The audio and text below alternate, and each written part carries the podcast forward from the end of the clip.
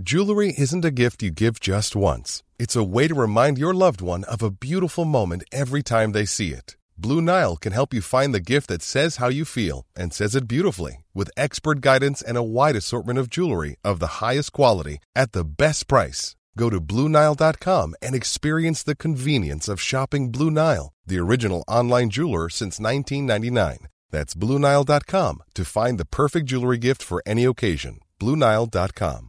Many of us have those stubborn pounds that seem impossible to lose, no matter how good we eat or how hard we work out. My solution is PlushCare. PlushCare is a leading telehealth provider with doctors who are there for you day and night to partner with you in your weight loss journey. They can prescribe FDA-approved weight loss medications like Wagovi and Zepbound for those who qualify. Plus, they accept most insurance plans. To get started, visit plushcare.com slash weight loss. That's plushcare.com slash weight loss. A lot can happen in the next three years. Like a chatbot may be your new best friend. But what won't change? Needing health insurance. United Healthcare Tri Term Medical Plans are available for these changing times.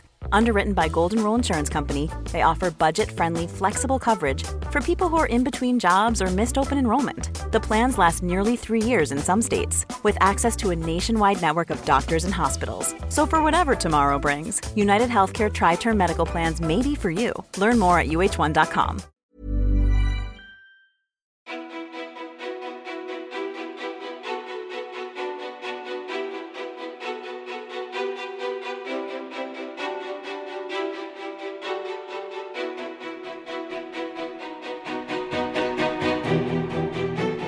Seina Mortader, trebarnsmamman som blev uttråkad under sin föräldraledighet och började posta bilder på maten hon lagade i en Facebookgrupp.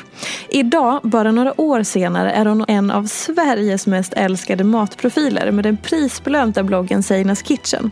Hon har tunga samarbetspartners och 150 000 följare på Instagram.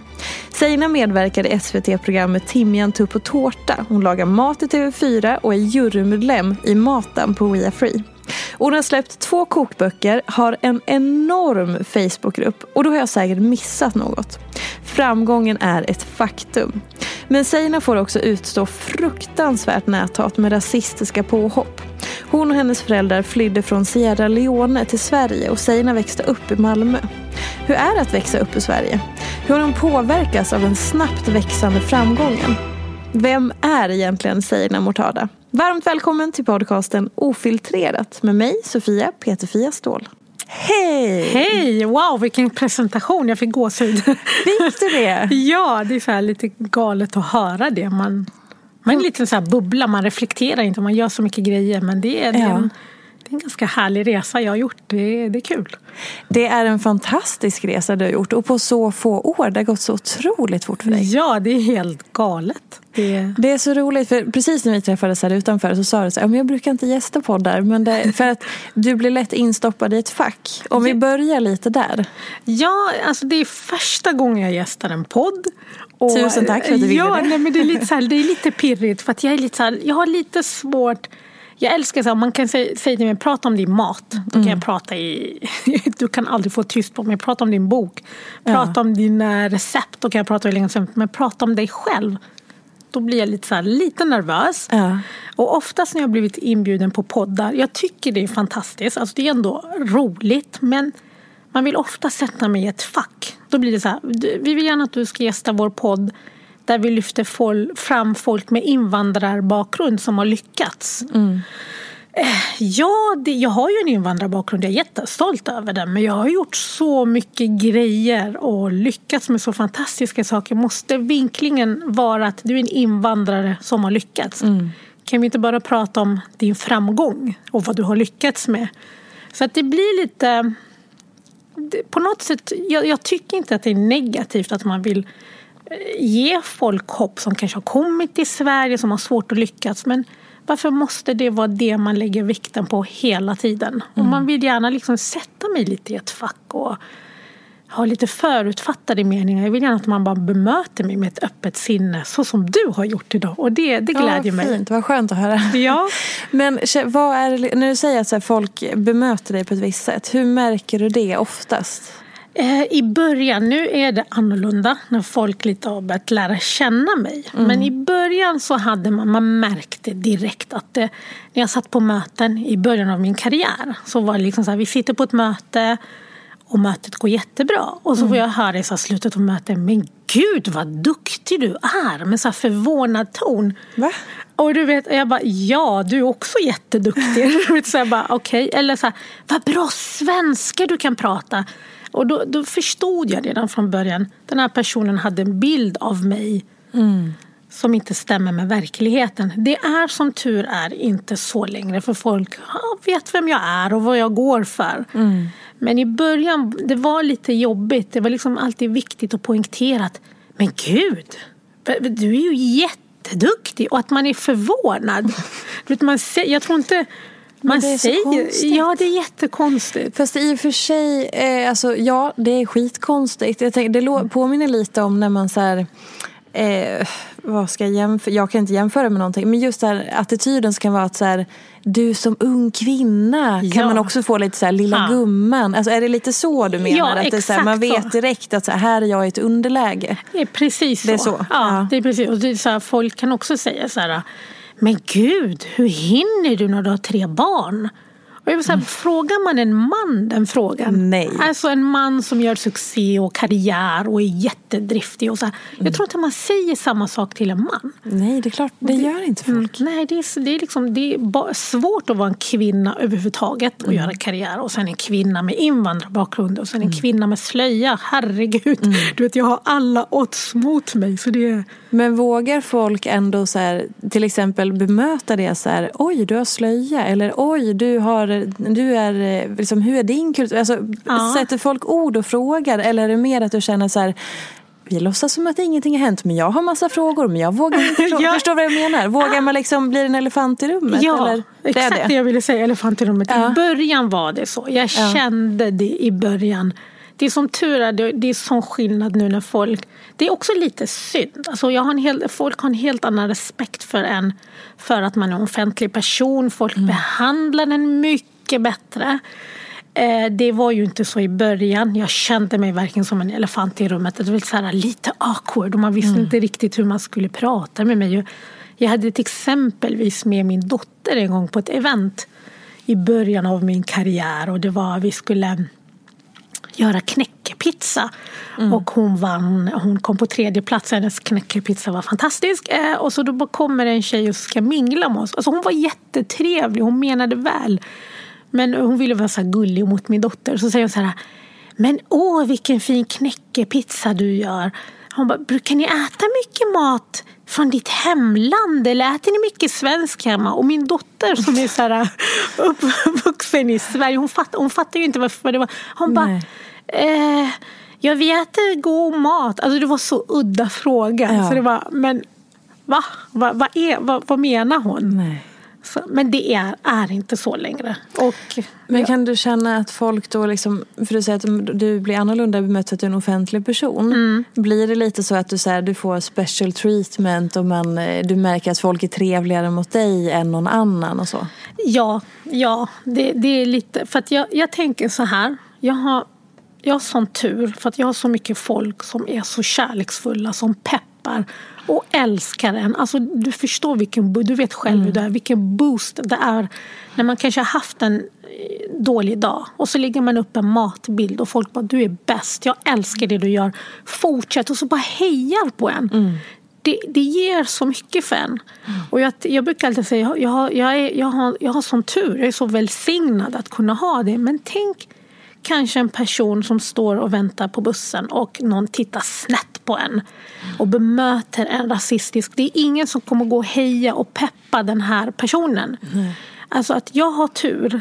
Men det är lite synd att jag var tvungen att bli en offentlig person för att få den respekten jag känner att jag förtjänar. Och att man på något sätt bortser från att okej, hon är en kvinna med invandrarbakgrund, hon har slöja. Att man bara fokuserar på det jag är bra på, på mina recept och gillar mina böcker. Men det är inte alla som får det. Och jag, alltså bara tänk så här om du går förbi en kollega i, på jobbet och den här kollegan går förbi och bara säger ah, vilken fantastisk tröja du har idag. Gud vad fin. Alltså, man blir så här lycklig. Eh, Att man borde göra så mot varandra hela tiden, inte bara till en offentlig person. Den kärleken man lägger ner på att sprida på sociala medier. Gör det i verkligheten också. Det hade gjort så mycket för mig för fem år sedan när jag inte var offentlig. När jag hade jobbiga dagar eller... Kan du känna det så här, i din, för det är en sak om du går på ett event eller som här, någon känner igen dig. Åh men gud vad roligt att du är här. Och sådär. Ja. Men när du är liksom eh, tjejerna som går på gatan. Ja. Och då antar jag att det är många som känner igen dig från tv-rutan. Mm. Men kan du också känna även så här, i, i vardagsgrejen, i, vardagsgrejen, Mm. i vardagslivet där du inte står framför en kamera eller Mm. är liksom så. Att när du bara är du, är det ändå skillnad på hur folk bemöter dig? Ja. på gatan, Det, liksom. Ja, det är skillnad. Men Jag, jag märker ju skillnaden från mitt liv har ju vänts totalt. Folk är ofta... Alltså, jag går och handlar, folk kommer... Alltså, det är ju så... Alltså, du förstår hur underbart det är när någon kommer. Alltså, jag blir så rörd när det kan vara en pensionär, en äldre dam. Bara, jag såg dig på timjan, tupp och tårta och du var så bra. Och så bara knyter den i kinden och kramar den. Och det är folk som kommer fram hela tiden. Alltså det är nästan inte bra för ens ego när man går runt och får så mycket kärlek hela tiden. Man liksom så här, nypa sig själv att liksom verkligen tro att det händer. Så att ja, mitt liv är helt annorlunda. Det är sån skillnad. Och samtidigt så finns det ju en baksida också. Alltså Mm. Som offentlig person så får man ju ta en hel del skit. Ja, det är ju inte alltid bara en dans på röda rosor. Nej. Jag läste någon helt eh, fruktansvärd kommentar som handlade nu kan jag inte citera den ordagrant, eh, men den kom upp när jag gjorde research på dig. Mm. Det var någon som hade skrivit, jag tror att det var kopplat till att du släppte din här nya kokboken, den Ja. gröna. Och så var det någonting om att det var rätter från Israel och så Ja. fick du massa kritik och massa rasistiska påhopp på det. Ja. Och då var det någon som skrev någonting om att ditt favoritrecept därifrån var med barnblod. Helt Ja. fruktansvärt. Vet du vad jag menar? Ja, jag vet vilken du menar. Åh gud, ja, den där uh, soppan, den, Ja. den var galen. Det var, ja, det, man, får, ja, man får utstå det också. Det är hemskt. För att när man inte är beredd. För att jag har gjort en bok med recept från hela världen. En helt, alltså den här boken är, jag har lagt ner min själ på den. Jag har inte brytt mig om gränser eller någonting. Jag har gjort en så vegetarisk bok där jag har hittat så världens godaste vegetariska recept. Och det är från hela världen. Och du fattar hur mycket jobb jag har lagt ner på den här. Jag har verkligen inte fokuserat. Det är absolut inget politiskt i den. Nej. Ingenting. Utan det är så bara god mat och matglädje. Eh, och ett av recepten då var israeliskt. Och det var ju... Det, jag förstår, alltså nu efterhand, så är så här, när jag bara läste den debatten, för jag, jag, jag är inte politiskt insatt, jag är inte intresserad. Jag älskar mat och jag älskar att sprida matglädje. Men jag kan på något sätt, jag kan, jag, den här haten är aldrig okej. Nej. Nej, men när folk ändå skrev till mig så här, på, på en vettig sätt att ja, det är liksom, vi är palestinier, vi har gått igenom extremt mycket.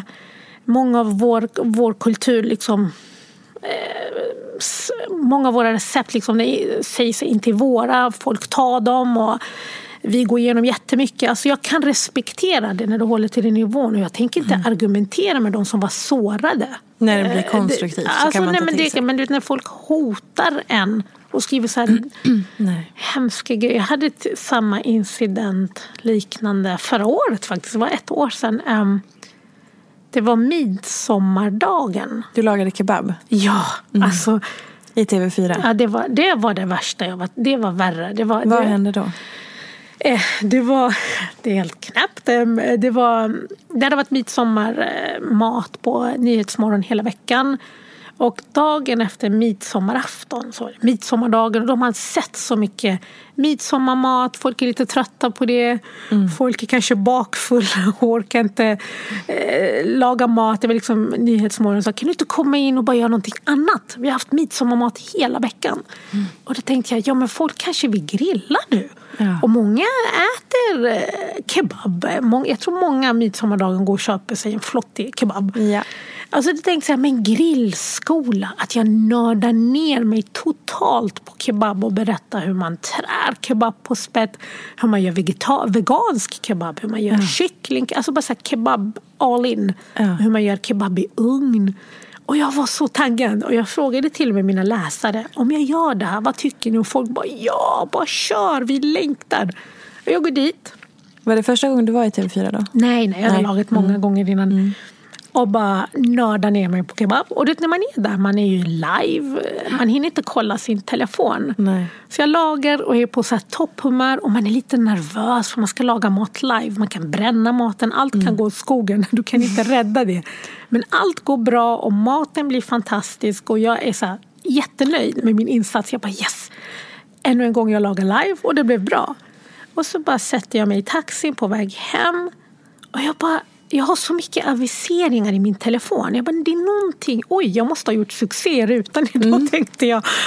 Och så kollade jag, jag hade alltså hundratals aviseringar och min mail. Och eh, jag bara, liksom, vad är det som har hänt?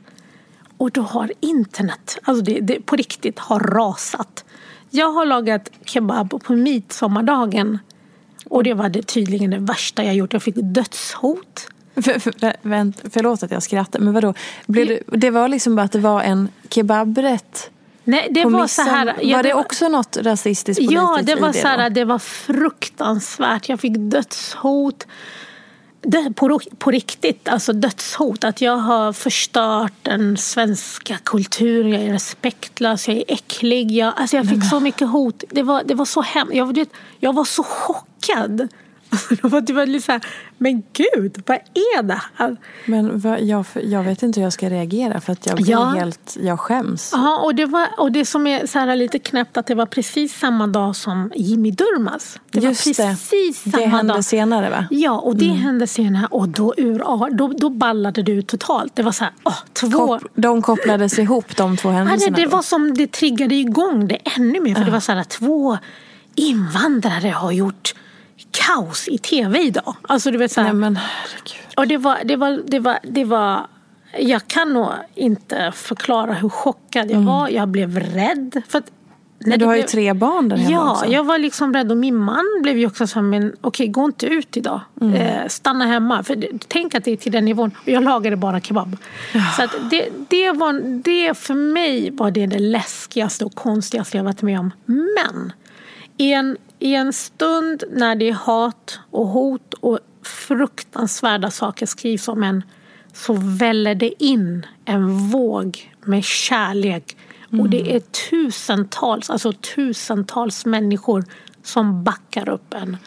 Åh gud jag har så Ja, ryser hela kroppen. Alltså det var, och folk skriver ordagrant till mig. Alltså jag bör, då var så här, då började, då började jag gråta för jag var så chockad. Men det, är liksom så här, det var en tjej som skrev till mig, Seina du behöver inte ta den fighten, vi tar den åt dig. Och går in och försvarar den och du vet, bemöter allt, den, allt det hemska jag fått. Då blir det så här, då, då kände, jag kände faktiskt i den stunden, vem är det som förtjänar min energi? De Mm. här nättrollen som oavsett, om jag hade nog gått och gjort sill och potatis den dagen, de hade ändå hittat något fel. Alltså det är sådana Mm. Ja, ja. människor som hade hittat fel Men då hade det varit fel på dig. Eller någonting Och antar jag. oavsett Alltså, vad jag än hade gjort. Alltså är det de eller de här fantastiska människorna som bara, alltså du förstår inte hur mycket kärlek jag fick. Mm.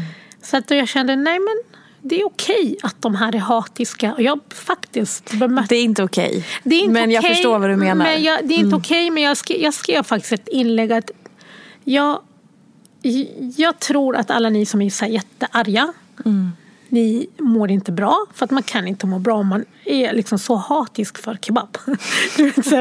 Alltså, Ops, kebab på midsommar. Det Det borde man åka i fängelse för. ja, men du vet, jag bara, men ändå, jag hatar inte er. Ni Nej. bär på hat, det gör inte jag. Det, liksom här, det finns inget hat i mitt hjärta för er heller. Jag tror ni har gått miste om någonting. Om ni hade fokuserat på de här fantastiska recepten hade ni faktiskt kunnat lära er någonting. Så att jag kunde faktiskt på ett helt galet sätt ändå så här, borsta av mig det och fortsätta för, på grund av all den här kärlek jag fick. Och det är dem jag fokuserar på. Jag lägger min energi på det. Inga energitjuvar. Nej.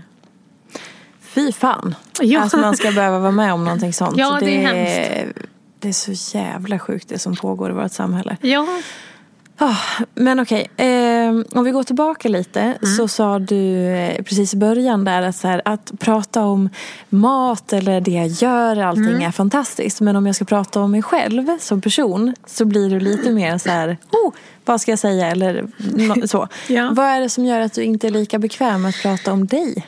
Alltså, så här. När jag först började hela den här resan så bestämde jag mig att det ska vara fokus på min mat. Mm. Det kommer aldrig bli en livsstilsblogg. Jag tycker inte det är fel på livsstilsbloggar. Jag tycker det är fantastiskt kul att följa vissa. Men det ska vara fokus på min mat. Det är mm. den som är i rampljuset. Jag kommer aldrig lägga upp bilder på mina barn. Det har jag aldrig gjort heller. Ingen vet hur de ser ut. Ingen vet hur min man ser ut men det är för att han inte vill. Jag vill gärna ta en selfie men han bara nej, nej, nej, jag vill inte synas på dina sociala medier. Mm. Um, så att jag vill ändå att det ska vara fokus på min mat. Så fick jag i början av min karriär en agent. Och han satt med mig och det säger han så här, han bara Seina. Och han är så här proffs på hur en influencer ska vara. Mm. Han bara, när jag går in på din blogg så ser jag inte en enda bild på dig. Exakt. Du är en receptbank men jag vill in på bloggen för att det är Seina. Exakt. Och jag bara okej. Okay. Och då, då tar han upp ett exempel till mig och så då tar han, nu behöver inte nämna namn, men på en, en influencer som har en sån här banner, en jättestor bild på sig själv där hon ligger liksom så här jättesnygg. Och mm. Han bara, så här vill jag att det ska vara när du går in på din blogg. Jag bara, nej men nu får du lugna ner dig. Han bara, jo det ska vara en bild på dig längst upp, du ska vara stolt. Du ska mm. äga din sida. Fattar du vad du har åstadkommit? Han bara så skakade om mig. Jag bara, för jag ska ha en bild på mig själv längst upp när man går in på Zeinas kitchen. Han bara ja. Han bara är du inte stolt över det du har gjort? Jag bara jo, men jag, ska, jag vill att det ska vara min mat. Men det var liksom där jag bara tänkte, men han har ju rätt. Alltså mm. varför ska jag... Så du hade tänkt först att du inte skulle synas alls? Alltså lite grann, men jag vill ändå att det är så maten. För mm. det, är liksom, det är ändå det jag jobbar med. Jag... Men det är ändå du som person ja. som är, gör att maten blir intressant. Ja, men, och många, jag började också upptäcka att det var lite oschysst mot mina läsare. För folk var så här, älskade mina recept, men vem är du? Mm. Och jag kände lite som en så här, jag, alltså, jag har alltid haft folket, mina läsare, de är en stor del av min framgång. Eller ja, utan de funkar, alltså hade jag aldrig lyckats med något. Så det spelar ingen roll hur bra jag är, men alltså det är människorna som pushar den hela tiden. Det var mina läsare som hjälpte mig att vinna Matbloggspriset, Folkets val. De röstade på mig. De går in och försvarar mig när jag sån här för att jag kände att, men, okej, ska jag vara liksom så hemlig? Jag har ju inget att dölja. Varför är jag så? Det är också mm. lite oschysst mot dem att jag inte... Och mot dig själv. Ja. Att du inte får ta cred för det du åstadkommer. Ja, men jag, jag bestämde mig faktiskt lite grann. Okej, okay, så jag la upp en bild på mig själv längst upp. Jag är lite privat. Jag är mest privat kanske i min Instagram story. Där tar jag folk bakom kulisserna. Men i mitt flöde, om jag lägger upp en bild på mig själv är det faktiskt aldrig en selfie. Jag bara, ah, idag har jag snygga brillor? Eller? Mm. alltså, du vet, utan då, då är det matrelaterat. Jag är fortfarande lite... Jag vet inte vad det är, men jag tror kanske också det är ett skydd mm. för mig. För att så fort det börjar bli mycket jag, som när jag syns på tv, på Timmen Tupp och Tårta, eh, på Nyhetsmorgon. Det är ju så här konstiga människor som hittar mm. till mig. Och jag tycker det är, det är jobbigt. Och jag orkar liksom inte hålla på och bemöta nättroll. Så det är lite, kanske ett skydd. Så det är, är det mer ett skydd för att du märker att alltså, ju mer du bjuder på dig som person eller så, så kommer det då hatare eller troll till dig mer än ett skydd så här, personlighetsmässigt att säga, nej, men jag vill inte stå i rampljuset för jag har lärt mig att man ska inte synas. Eller, förstår du? Men det är två, ja. lite två olika Eh, alltså det, dels ett skydd från att det kommer in mm. människor som gör en, vill en illa. Eller mer hur man är som person. Att så här, nej men jag kan vara lite i bakgrunden. Eller jag har fått lära mig när jag var liten att jag inte får ta plats. Jag vet ja. inte, förstår du vad jag menar? Ja, alltså det är kanske är en kombination. Mm. Jag vet inte, men det känns bara bäst. Alltså, jag märker tvärtom egentligen när jag är privat, när jag ger lite av mig själv det är, alltså mina mest gillade bilder och där folk är mest engagerade det är när jag är privat. Mm. Så jag märker att det är det. Eller personlig. Ja, precis. Mm. När jag är personlig, när jag delar med mig mina berättelser och vem jag är. Det är där. Och då får jag mest följare och folk kommer. Så att Och min agent och den här fantastiska killen sa till mig du skulle ju få dubbelt så mycket följare om du börjar visa upp bilder på din familj och dina barn och ditt intressanta liv. Men det var också så här, det är inte ett pris jag vill betala att blotta Nej. mina barn och alltså mitt liv. Jag vill ändå kunna vara också... Jag vill kunna ha ett privatliv trots att jag är en offentlig person. Jag vill kunna ha den här balansen att okej, okay, mitt liv med mina barn, det är mitt liv.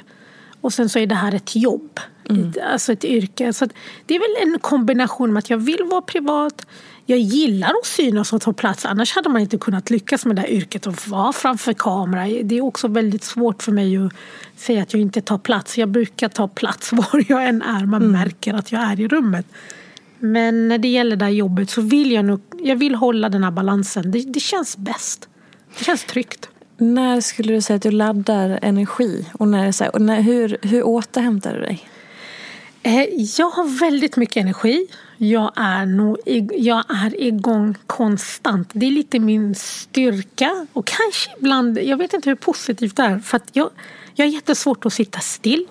Och jag är igång konstant. Jag är...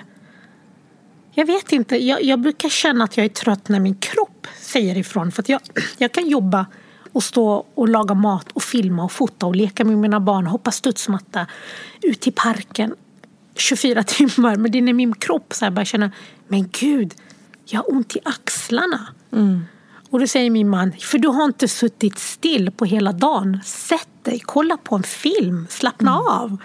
Och det, jag är igång hela tiden. Så jag har nog energi utöver det vanliga. Det är ja. sällan som jag känner att oh, du vet, nu orkar jag inte mer. Utan tvärtom, jag måste ibland säga till mig själv, okej, okay, chilla, min man brukar påminna mig, du måste varva ner. Men händer då att det blir för mycket och att du känner att kroppen verkligen protesterar? Nej, inte. Alltså, jag har aldrig, det har aldrig kommit till en gräns där jag känner att min kropp säger ifrån att jag håller på att gå in i väggen eller någonting. Eh, det har det inte. Min kropp sa ifrån på riktigt. Det var när jag förlorade min mamma. Hon gick bort eh, förra året, i, inte så länge sedan i höst. Ehm, då hände det. Det var första gången på riktigt jag kände att min kropp sa ifrån på ett sätt som jag inte känner igen. Att min, jag har aldrig känt mig så fysiskt utmattad. Alltså jag kan jobba konstant. Jag kan jobba i flera timmar. Folk som jobbar med mig brukar säga att hon är, hon är som en maskin. Mm. Du tröttnar inte. Jag, men det här, den gången, det, det, jag har aldrig känt det här fysiskt. Det var en dep, alltså, som en depression. Jag var, jag var så förstörd. Jag orkade ingenting. Jag orkade inte äta. Jag var så ledsen. Det var nog första gången jag får känna den här känslan som folk säger att kroppen säger mm. ifrån. Och hur mycket jag än kände att jag vill, nej jag vill jobba. Jag vill tillbaka till jobbet.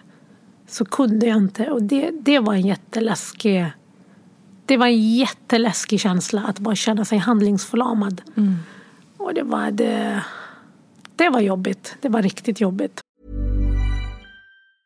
When you're ready to pop the question, the last thing you want to do is second guess the ring. At BlueNile.com you can design a one-of-a-kind ring with the ease and convenience of shopping online. Choose your diamond and setting. When you find the one, you'll get it delivered right to your door. Go to Bluenile.com and use promo code LISTEN to get $50 off your purchase of $500 or more. That's code LISTEN at Bluenile.com for $50 off your purchase.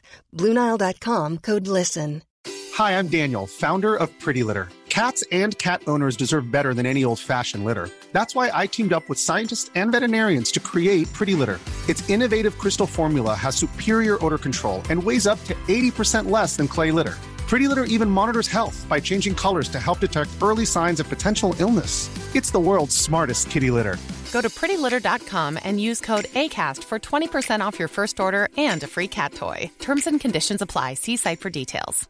Ever catch yourself eating the same flavorless dinner three days in a row?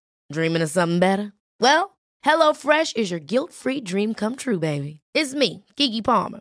Let's wake up those taste buds with hot, juicy pecan crusted chicken or garlic butter shrimp scampi. Mm. Hello Fresh. Stop dreaming of all the delicious possibilities and dig in at HelloFresh.com. Let's get this dinner party started. Many of us have those stubborn pounds that seem impossible to lose, no matter how good we eat or how hard we work out. My solution is PlushCare. PlushCare is a leading telehealth provider with doctors who are there for you day and night to partner with you in your weight loss journey. They can prescribe FDA-approved weight loss medications like Wagovi and Zepbound for those who qualify. Plus, they accept most insurance plans. To get started, visit plushcare.com slash weight loss. That's plushcare.com slash weight loss. Hur lång tid tog det innan du kände att du kunde börja igen eller komma tillbaka lite? Eh, det, var, det var en, en händelse som hade så stor betydelse i min sorg. Och det är så jobbigt att prata om min mamma. Mm. Eh, det var det var samma dag som min mamma hade en begravning. Och jag kände då, det var vid hennes begravning var i Malmö. Min mamma gick bort plötsligt oväntat. Hon fick hjärtstopp. Hon var frisk innan, inga konstigheter. Åh. Hjärtat bara stannade och hon föll ihop. Så det var oväntat och en stor Vad chock. traumatiskt. Ja, det är hemskt. Det är det värsta jag gått med genom i mitt liv. Eh, samma dag som hennes begravning, det var i Malmö. Så kände jag, jag ville bara gå därifrån. Jag orkade inte vara i Malmö mer. Jag ville bara komma hem. Jag hade varit ifrån mina barn en hel vecka. Lite mer i Malmö. Jag var med mina syskon och det var en hemsk tid. Och jag vill bara åka från Malmö. Min syster sa snälla åk inte, jag behöver dig. Och jag bara nej men jag orkar, jag vill inte vara här. För att efter att jag förlorade min mamma så kändes Malmö, alltså det har alltid känts hemma när jag är i Malmö. Men det kändes som, jag kände mig så främmande. Alltså det kändes som någon har satt mig i en, så här, i en plats där jag inte kände igen mig. Det var så här, jag, liksom, äh, det, var, det var som om ljuset hade slocknat hela Malmö. Jag ville inte vara där. Det kändes svart, mörkt. Jag ville bara åka därifrån. Jag kom hem sent på kvällen. Samma dag som hennes begravning. Och mina barn låg och sov. De, deras farfar hade varit med dem. Och det som är så konstigt, jag är, jag är, jag är lite så en hönsmamma. Jag tänker alltid på mina barn, men jag hade inte tänkt på dem under den tiden. Jag var så inne i den här sorgen. Jag kom hem sent, jag är helt förstörd. Jag orkar knappt prata med barnens farfar. Jag, var bara, jag vill bara gå och lägga mig. Och jag hade gråtit så mycket så jag var så slut. Så jag minns att när jag lägger mig ner så kändes mitt täcke som en sten. Alltså jag hade så ont i kroppen. Jag somnar av utmattning. Jag har inte ätit, jag var så ledsen. Och jag minns att jag säger till mig själv så här mentalt, jag kommer inte gå upp ur sängen imorgon. Jag kommer inte röra mig ur den här sängen. Och jag struntar i om världen går ut under här utanför eller vad som händer. Jag kommer inte gå upp. Eh, jag ligger och sover. Tidigt på morgonen så hör jag att min man mumlar någonting. Och jag tror han säger så här, vi går nu, klarar du dig? Han ska till jobbet, han har också varit ifrån jobbet länge. De äldsta barnen gick till skola. Jag bara liksom bara hör. Det är så konstigt. Det, det, det, det är som jag var i en tunnel. Jag bara hör hans röst så där långt i bakgrunden. Jag bara, mm, bara somnar om.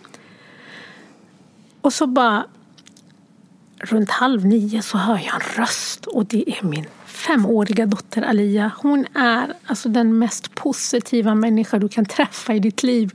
Är som om det regnar ute och jag tycker det är jobbigt. Hon bara, men det är jättebra för blommorna. Alltså, hon, är, hon är så glad. Och så bara säger hon mamma. Och liksom, jag har varit ifrån henne i så många dagar. Och jag har inte tänkt på henne så mycket. Det är så konstigt. Hon är så glad att se mig. Och så säger hon så här, mamma! Och bara kastar sig i min famn. Och i den här äh, sorg är så konstigt. Och jag tänker så här, hur i helsike kan någon vara glad nu? När det, är så, när det är så jobbigt. Man tänker inte vettigt. Och jag är så här, hur kan hon vara så glad? Jag är så chockad. Och så är så här, jag har saknat dig, du är tillbaka. Hon bara liksom kramar mig. Och så säger hon så här, är det du som ska lämna mig till förskolan idag? Åh, det har varit så jobbigt när farfar har lämnat mig. Och hon bara pratar, är- är full med liv. Och så sitter hon och säger vad hon ska ha på sig. Idag vill jag ha på mig den här klänningen. Jag ska med mitt gosedjur. Och idag vill jag ha cornflakes till frukost. Och hon har liksom lagt upp hela sin dag. Och jag känner och jag tänker för mig själv, men jag ska ju inte upp i sängen har jag bestämt. Och så säger hon så här, mamma, nu måste du gå upp, jag vill ha min frukost och jag vill till förskolan. De orden, alltså när man går igenom sån sorg så grä- letar man efter hopp att komma tillbaka. Och när hon säger så här, mamma du måste gå upp. Där kände jag, jag måste upp. Alltså jag måste upp på riktigt. Ehm, så jag bestämde mig, nej men jag måste upp. Jag måste ställa, jag kan inte ligga här. Hon förtjänar att jag går upp. Och det var så konstigt. Den, de orden, mamma gå upp. Det Gud, var, jag är så berörd. ja, men det, var, det, det var en avgörande stund i en sorg. Där jag bara kände, nej men jag ska upp. Jag måste upp. Och det var så här, nu går det upp Seina. Eh, Jag har förlorat min mamma, det är det värsta jag gått igenom. Men jag måste upp. Och det var så här, jag bara, jag bara hörde hur jag så här, fick en kraft av att nu går jag upp. Och jag bara ställde mig upp kramade om henne ordentligt. Och jag bestämde mig i den stunden, jag ska vara ledsen, men jag ska upp. Jag ska inte ligga där som jag har bestämt mig.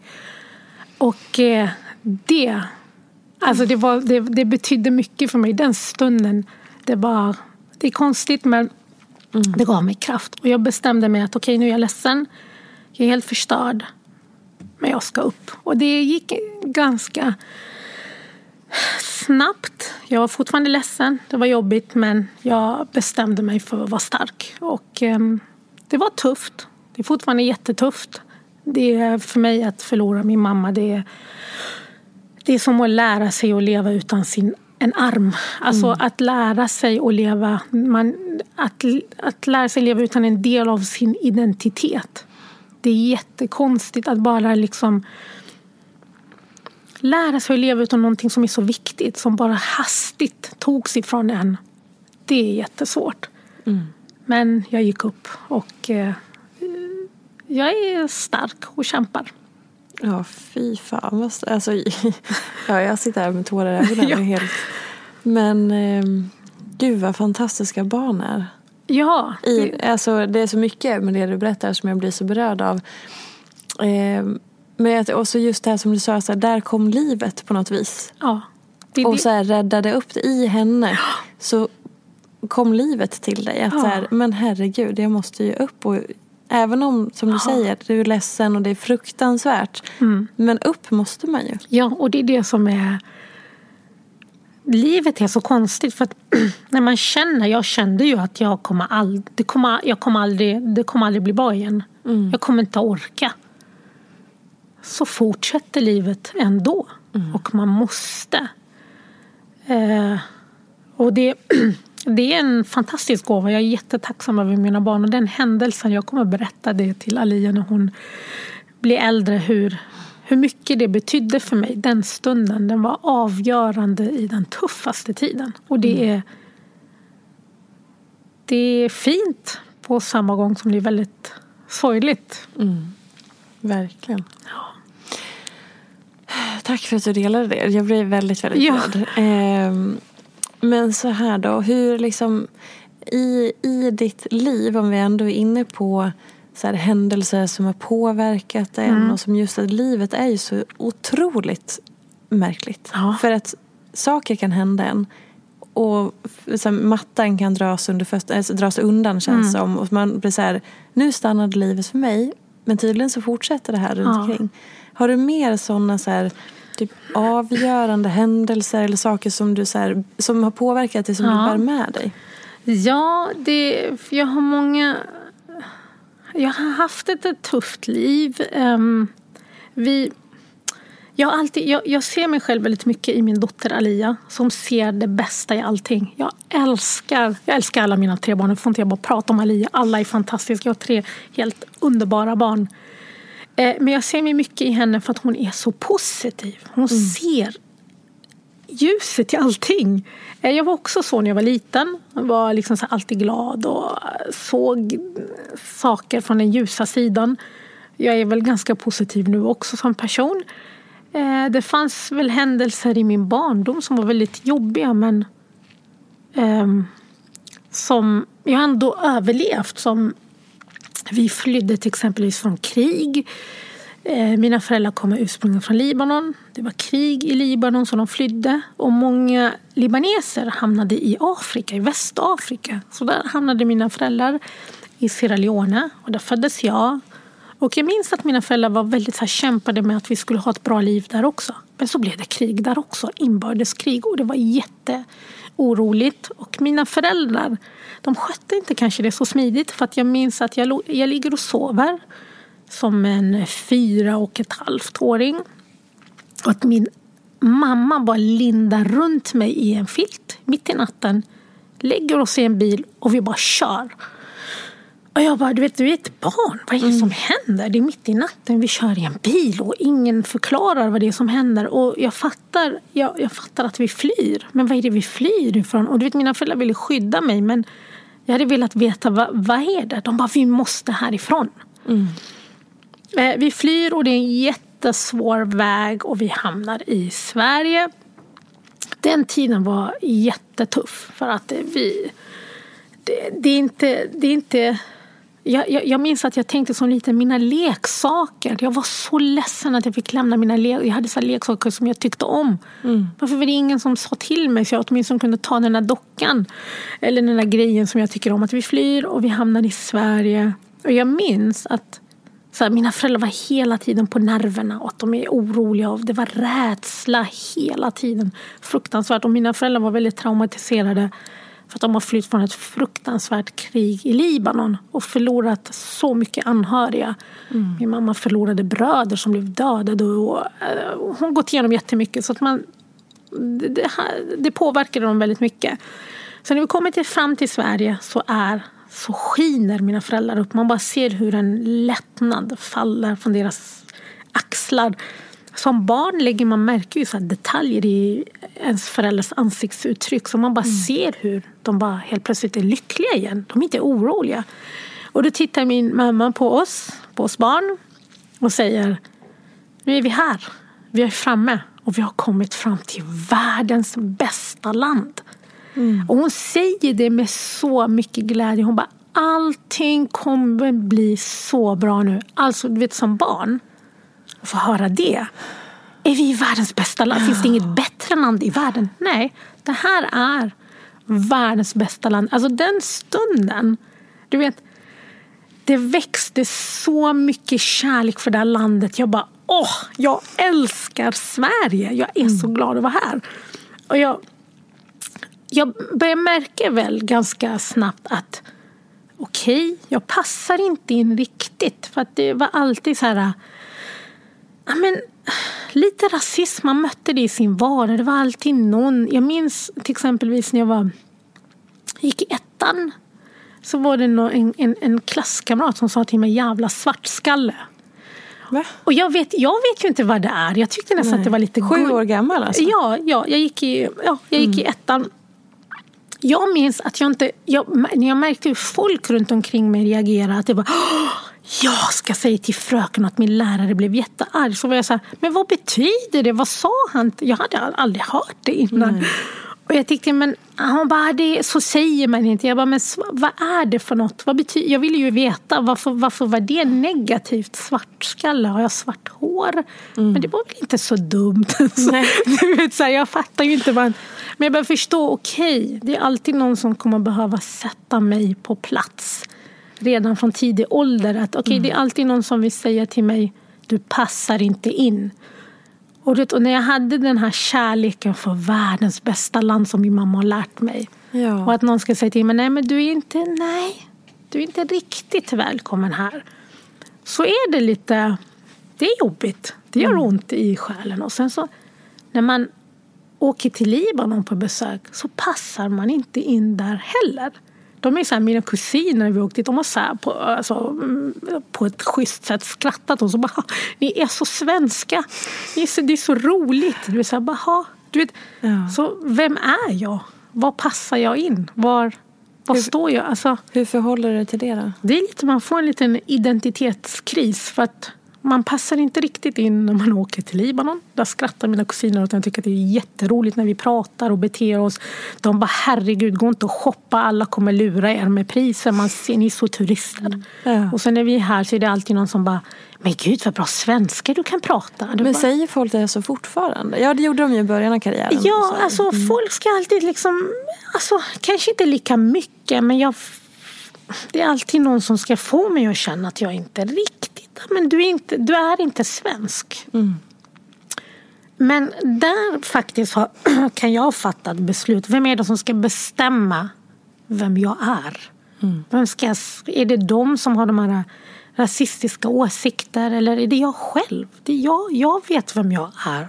Jag vet vad jag känner i mitt hjärta.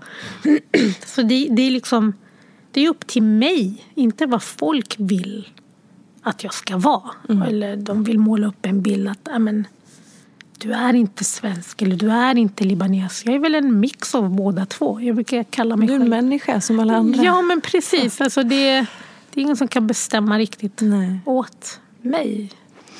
Men hur upplever... Om, för att, så här, hela den här grejen med allt näthat du fick och efter den här jädra kebaben Ja. eh, på midsommar. Och sen så hela med Jimmy Durmaz och så. så. Det är ju någonting som pågår i vårt samhälle.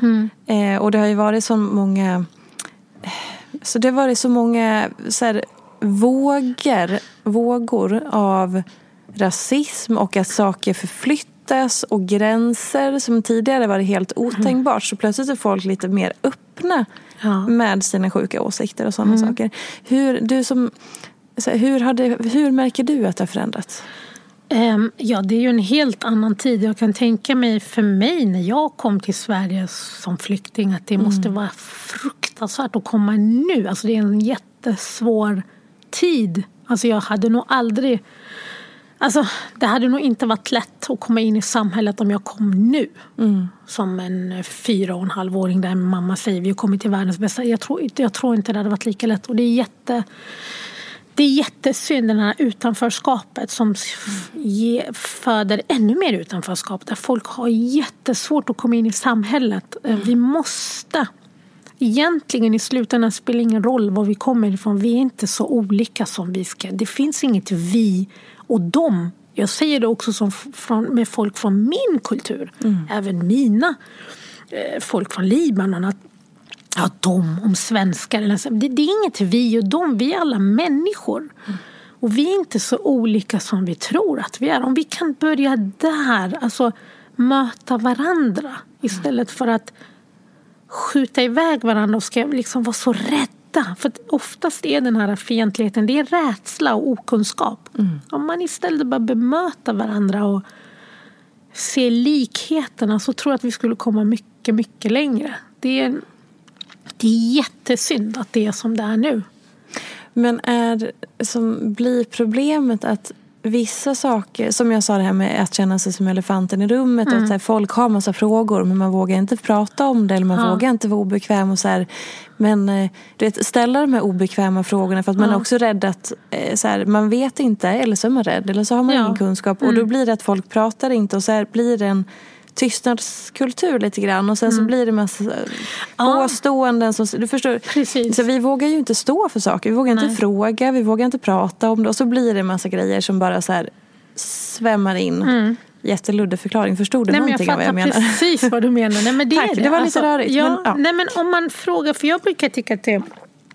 När folk frågar mig, det finns ju vissa som frågar, för, som verkligen har så här, en, en, en, en tydlig åsikt och inte därför att fråga utan för att jäklas. Jaha, Alltså till ditt ansikte då? Eh, Nej, folk vågar. Det är det som är lite så här med nätet. Man kan vara Mm. hur cool som helst där bakom skärmen. Man kan spy ur sig galla hur mycket man vill. Och det, jag tycker som är, det som jag tycker är synd, att nu för tiden, du behöver inte smyga med att vara rasist. Du kan öppet skriva det.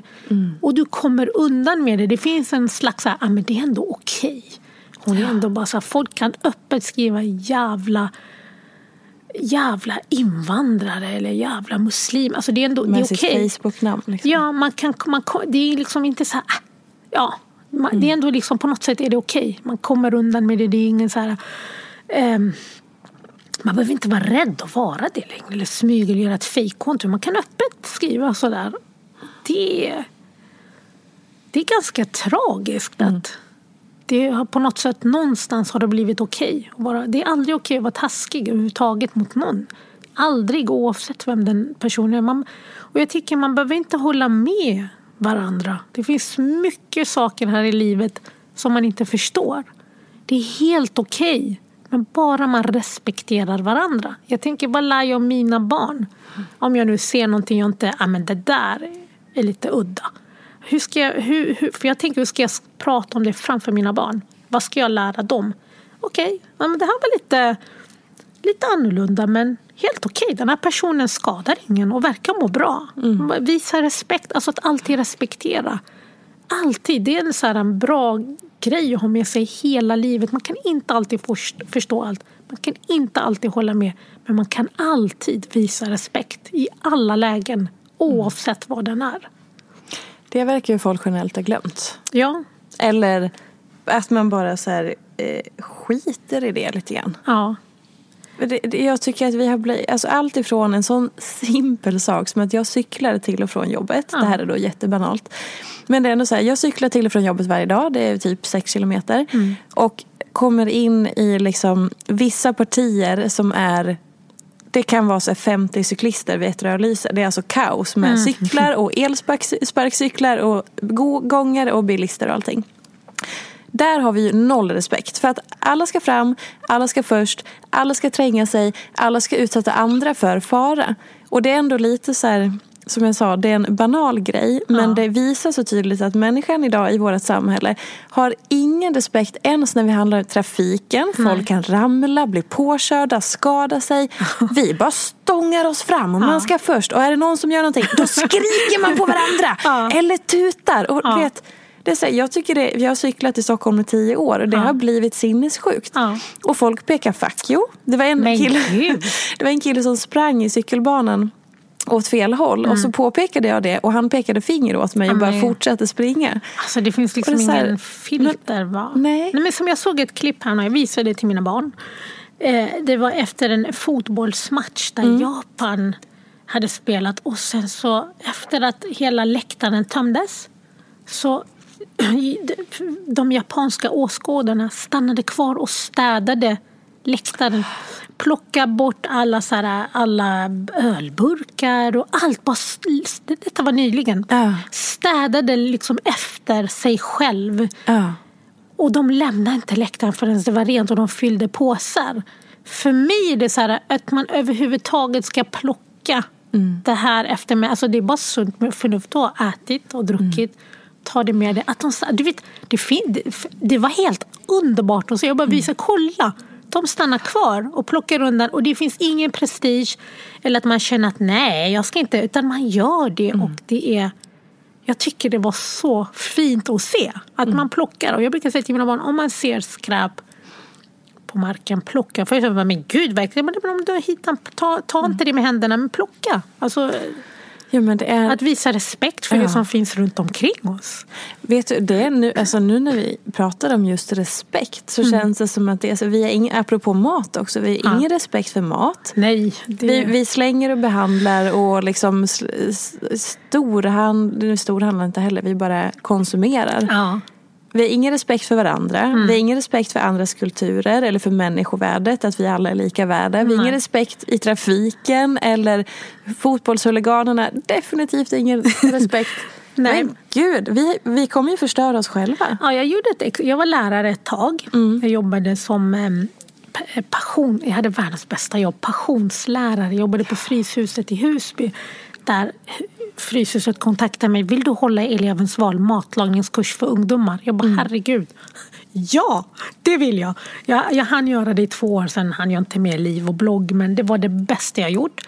Och en grej som mina ungdomar ofta gjorde, är att de klagade på maten. Mm. Hela tiden. De sa att maten är äcklig. Och de mm. var helt förstörda. Och de kastade maten och kastade i soporna. Och de bara klagade på skolmaten då. Mm. Jag gick och pratade med kocken Och den här kocken i skolan, han brann för det han gjorde.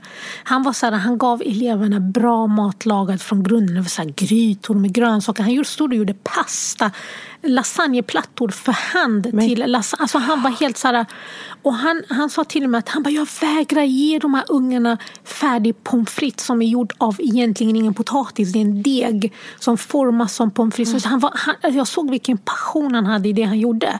Jag bara, men om de visste vad han höll på med där i köket så kanske mm. de har respekterat maten. Och då kom jag överens med den här kocken. Jag bara, okej, okay, får vi laga skolmat med dig?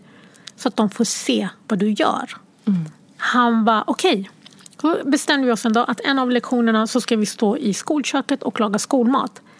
När de fick se vad kocken gjorde. Alltså de fick inte maten bara serverat på bläck där de har bara kastat upp det. Du bara slevar upp mat, du vet inte vad det är. Han lagade mat från grunden. Och alltså han var, han, det var så mycket kärlek i, alltså i den maten han gjorde. När de fick stå där och hacka varje paprika, varje lök, steka den, lägga upp den för hand. När de fick se vad det är. Alltså du skulle ha sett när de sen presenterade maten och när de såg... De bara, de kastar ju maten, vad fan så respektlöst. Ja, men det är ju ja. det ni gör hela tiden. Ja. Men visst tar det emot när du har stått och gjort den där maten mm. och du ser hur dina, hur dina vänner kastar maten och inte bryr sig om det jobbet du har lagt ner. Och vilka råvaror det finns i. Alltså det, vet, det ändrade deras attityd totalt. Ja. Och det, det var när de fick se vad de har framför sig. De blev helt andra människor. Så vi bestämde oss att laga skolmat en gång i månaden med den kocken. De fick en helt annan respekt. Och det är oftast att vi inte riktigt förstår. Vi har det för bra ja, i mycket, ja, antar vi jag. Vi tänker inte liksom vad, vad det är vi har framför oss. Det är därför jag försöker odla mycket med mina barn. Mm. Där de får se lite vad, vad mat är. Vi har odlat gurka, hur ett frö ner i ett jord växer och blir någonting. De får liksom ett, en helt annan syn för maten när de förstår vad det är. Att det mm. inte bara är någonting vi bara går och plockar i affären. De, de, alltså sen de börjar så grönsaker och se hur det växer. Hur ett litet, för min femåring hon bara Det där fröet det har blivit en blomma. Hon är så lycklig och min åttaåring kan liksom säga när kan vi plocka gurkorna? De har en helt mm. annan respekt och förstår maten. Så det, vi måste nog lära oss mer om saker vi har framför oss så skulle vi respektera det så mycket mer. Det är så otroligt viktigt. Ja. Om vi, tyvärr nu så måste vi börja avrunda. Ja. Men om det är, finns det någonting du skulle vilja säga till, till lyssnarna som ändå har så betydelse för dig?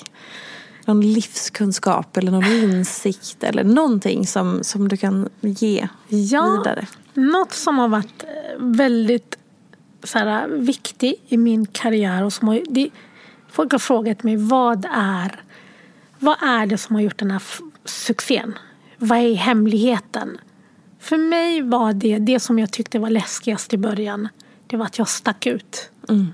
Jag gjorde det ingen gjorde. Jag kom in i en värld där det fanns en mall hur en influencer på sociala medier ska vara. Och jag var helt ifrån allt, allt den mallen. Jag minns att min, min agent jag tycker jättemycket om honom. Hur han försökte få mig att bli någonting jag inte är. Hur jag höll fast vid att nej, men det är okej mm. att vara annorlunda och sticka ut i mängden. Och att det var det bästa som har hänt mig. Alltså att jag, jag tyckte det var så här, oj, från början lite, lite så läskigt att sticka ut. Men det är okej att sticka och vara annorlunda och att alltid hålla fast vid den man är. Och tro på sig själv. Och inte försöka gå en väg som alla går för att man inte tror på sig själv utan tror på dig själv. Stick ut i mängden och mm. bara våga och kör. Låt ingen stoppa dig. Hade jag låtit alla som försökte stoppa mig i början hade jag aldrig fått jobba med det jag brinner för. Fint. Ja. Tack snälla och tack för att du ville göra podddebut här hos Ja, mig. gud ja. Det, Det var var, jättekul. roligt. Jättekul att få vara med. Tack för att jag fick vara med. Tack. Och följ nu Seina överallt. Hon finns i bokhyllan, på sociala medier och i tv-rutan. Ja. Finns, och du har precis startat ett eh, nytt företag. Ja, man kommer hitta mig i mataffären också. Till och med där kommer Ja. det finnas. Gud, när kommer de produkterna ut? Ja, Får du säga vi, vi satsar på 2020, så nästa år. Vi är i full gång att hitta bra, bra mat. Gud vad roligt. Mm. Tusen tack för att ni har lyssnat. Vi hörs nästa vecka. Hej då! Hej då! Följ mig gärna i sociala medier. Jag heter Peterfia på Instagram och bloggar på peterfia.se. Vill du komma i kontakt med mig så gör du det på info.peterfia.se. Jag vill rikta ett stort tack till Acast för studie och stöttning och ett stort, stort tack till geniet Elin Sjödén som klipper den här podcasten.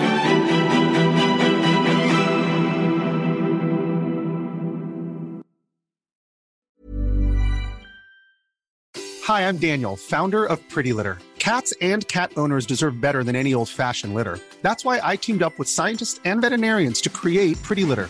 Its innovative crystal formula has superior odor control and weighs up to 80% less than clay litter. Pretty Litter even monitors health by changing colors to help detect early signs of potential illness. It's the world's smartest kitty litter.